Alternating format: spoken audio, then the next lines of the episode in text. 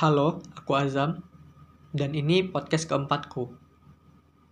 Edik di Gen Z, Part 2.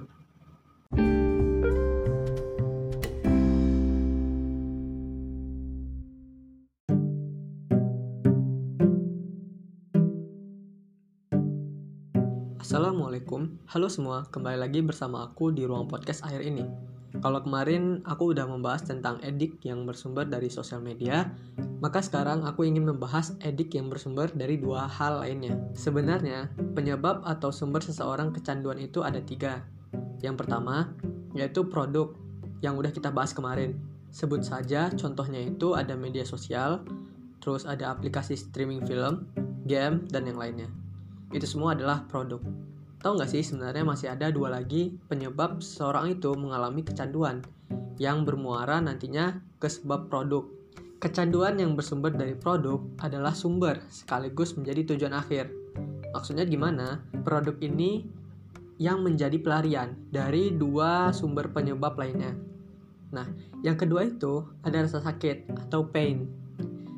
Dan yang ketiga adalah diri sendiri atau person. Uh, aku akan mulai bahas dari rasa sakit atau pain. Rasa sakit yang kita terima menyebabkan kita membutuhkan obat untuk menyembuhkannya. Layaknya seorang yang demam yang pergi berobat ke dokter dan mendapatkan resep obat, sehingga bisa membeli obat yang tepat di apotek terdekat. Namun, pada kasus orang yang kecanduan, kebanyakan bukan datang ke dokter untuk menanyakan dia ini kena sakit apa, sehingga mengetahui obatnya apa ya harusnya kan mendapatkan obat yang tepat gitu. Tetapi justru malah pergi ke tempat-tempat yang menurut dia bisa menyembuhkan lukanya itu. Alih-alih menyembuhkan, malah sebaliknya. Ya, dia malah pergi ke sebab yang pertama, sebab orang yang kecanduan yang pertama sebelumnya itu, yaitu produk. Rasa sakit yang aku maksudkan di sini adalah rasa sakit yang barangkali itu dialami ketika dia mengalaminya di lingkungan tempat tinggal. Mungkin bisa berupa rasa sakit yang dia terima dari keluarga atau dari lingkungan sekolah dan lainnya. Dalam lingkungan keluarga bisa berupa KDRT, toxic parent kalau bahasa sekarangnya ya. Tidak dianggap oleh keluarga, selalu dibanding-bandingkan, tidak dihargai semua usaha yang pernah dilakukan, atau mungkin lahir dan besar di keluarga yang hmm, broken home gitu. Dan kalau di lingkungan sekolah, rasa sakit yang timbul bisa saja diterima berupa bullying, pelecehan, dikucilkan, dirundung, mendapatkan judge bahwa dia itu adalah seorang yang bencong atau tomboy dan kebanyakan hal tersebut diterima di umur yang bisa dibilang belia. Ya umumnya hal-hal ini diterima atau didapatkan oleh seseorang itu ketika dia sedang di umur-umur SD atau dia SMP SMA gitulah. Sehingga menyebabkan trauma berkepanjangan dan itu tidaklah mudah untuk disembuhkan. Namanya juga trauma ya. Nah, kenapa dari sini bisa menyebabkan kita menjadi edik akan sesuatu? Toxic parent yang mungkin sering kita dengar terjadi, mungkin di keluarga kita ada yang orang tuanya kurang memberikan rasa kasih sayang, kurang dalam memberikan perhatian, atau mungkin beberapa dari orang tua kita ada yang ngata-ngatain anaknya sendiri, bahkan hingga dibentak dan dipukul. Yang mungkin dari sana secara tidak langsung menyebabkan kita berpikiran bahwa mereka ini tidak sayang. Maksudnya orang tuanya itu nggak sayang sama kita. Kita merasa kalau kita ini tidak dibutuhkan lagi dan lain-lain. Karenanya, ketika kita merasakan hal demikian, kita mencoba mencari pelarian untuk menemukan rasa kasih sayang itu yang bisa jadi hilang akibat kejadian-kejadian tadi. Maka munculnya peran sebab produk di sini dan di sinilah peran produk itu gitu. Produk yang ingin aku sebutkan adalah dunia hiburan, di mana di dalamnya bisa termasuk film, drama, musik, dan tentu saja artis yang ada di dalam dunia entertain itu. Ketika kita melihat dunia itu dan ada salah satu film atau musik atau drama yang ceritanya itu relate banget dengan kondisi yang kita alami di rumah. Contohnya diceritakan di film atau di lagunya itu dia adalah seorang yang memperjuangkan uh, kita-kita yang sedang dirundung atau di apalah gitu. Sehingga kita sendiri menjadi simpati kepada mereka. Dari rasa simpati itu, kemudian kita mulai melihat-lihat sebenarnya aktornya ini atau penyanyinya, kalau misalnya itu konteksnya musik, bagaimana kehidupannya, terus juga mulai dilihat karya-karya dia yang lain, dan dari sana kita itu jadi merasa kalau dia itu memiliki pribadi yang baik hati, perhatian, dan semua hal-hal yang baik yang itu dibutuhkan sama kita.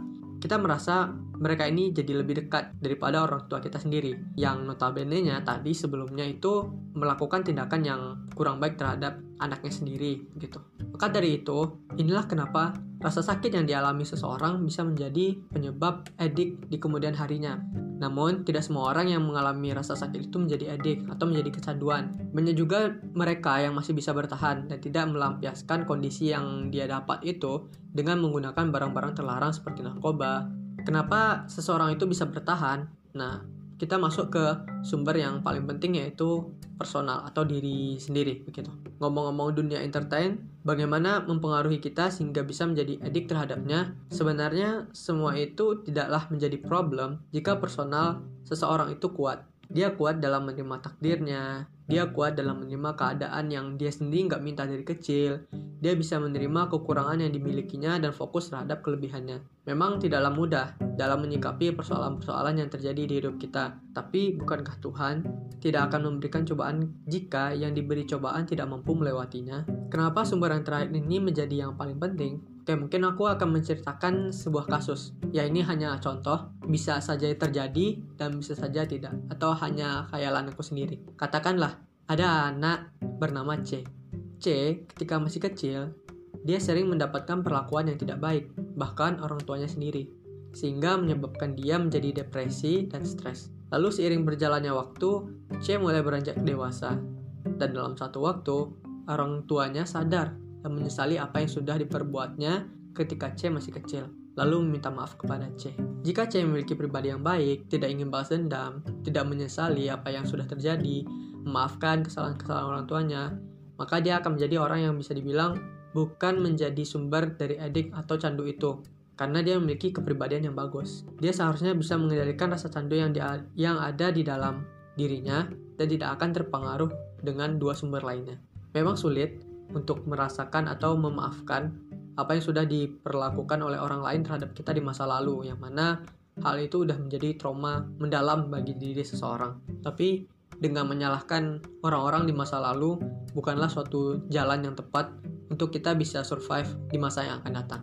Dan di contoh yang lain, apabila C tidak memiliki kepribadian yang baik, bisa jadi dia tidak akan memaafkan masa lalunya dan menyalahkan semua hal yang terjadi ini karenanya beralasan seolah-olah semua tindak tanduk yang sekarang dia kerjakan adalah sebab dari penderitaan di masa lalu. Maka di sini pribadi itu menjadi penting, sangat penting malah. Dan untuk melewati semua itu, kita perlu bercerita. Karena semua emosi-emosi negatif itu harus dilepaskan. Tapi ke mana? Soalnya aku sendiri pun pernah bercerita kepada orang yang salah, kepada orang yang kemudian malah menyakitiku, sengaja ataupun tidak sengaja. Tapi yang jelas dari sana, aku menjadi trauma dengan orang-orang seperti itu. Jawabannya melalui pendekatan spiritual. Ya, spiritual. Karena yang menciptakan kita manusia lah yang paham akan kebutuhannya. Paham bagaimana menyelesaikan permasalahan fisik maupun batin. Tapi memang terkadang kita melupakan jalan yang harusnya menjadi jalan utama kita dan memalingkannya menjadi jalan yang paling akhir. Di saat sudah terpuruk, barulah menggunakan jalan spiritual. Karena merasa semua yang ada di dunia ini Gak ada yang bisa dipercaya, barulah mendekatkan diri kepada Yang Maha Esa. Ketika mendapatkan masalah yang terlalu berat, baru bercerita kepada yang menciptakan kita. Dan tidak menjadikan itu pilihan pertama di saat masalah datang. Uh, baiklah kita sudah sampai di penghujung podcast. Sedikit kesimpulan bahwa sebab adiktif itu ada tiga. Yang pertama itu produk, yang kedua itu pain atau rasa sakit, dan yang ketiga itu personal diri sendiri. Memang semuanya saling berkaitan, Uh, tetapi sebab personal lah yang menjadi pendorong utamanya. Apakah bisa mengendalikan diri atau tidak? Semoga podcast kali ini bermanfaat. Sampai jumpa di podcast berikutnya. Assalamualaikum. Bye bye.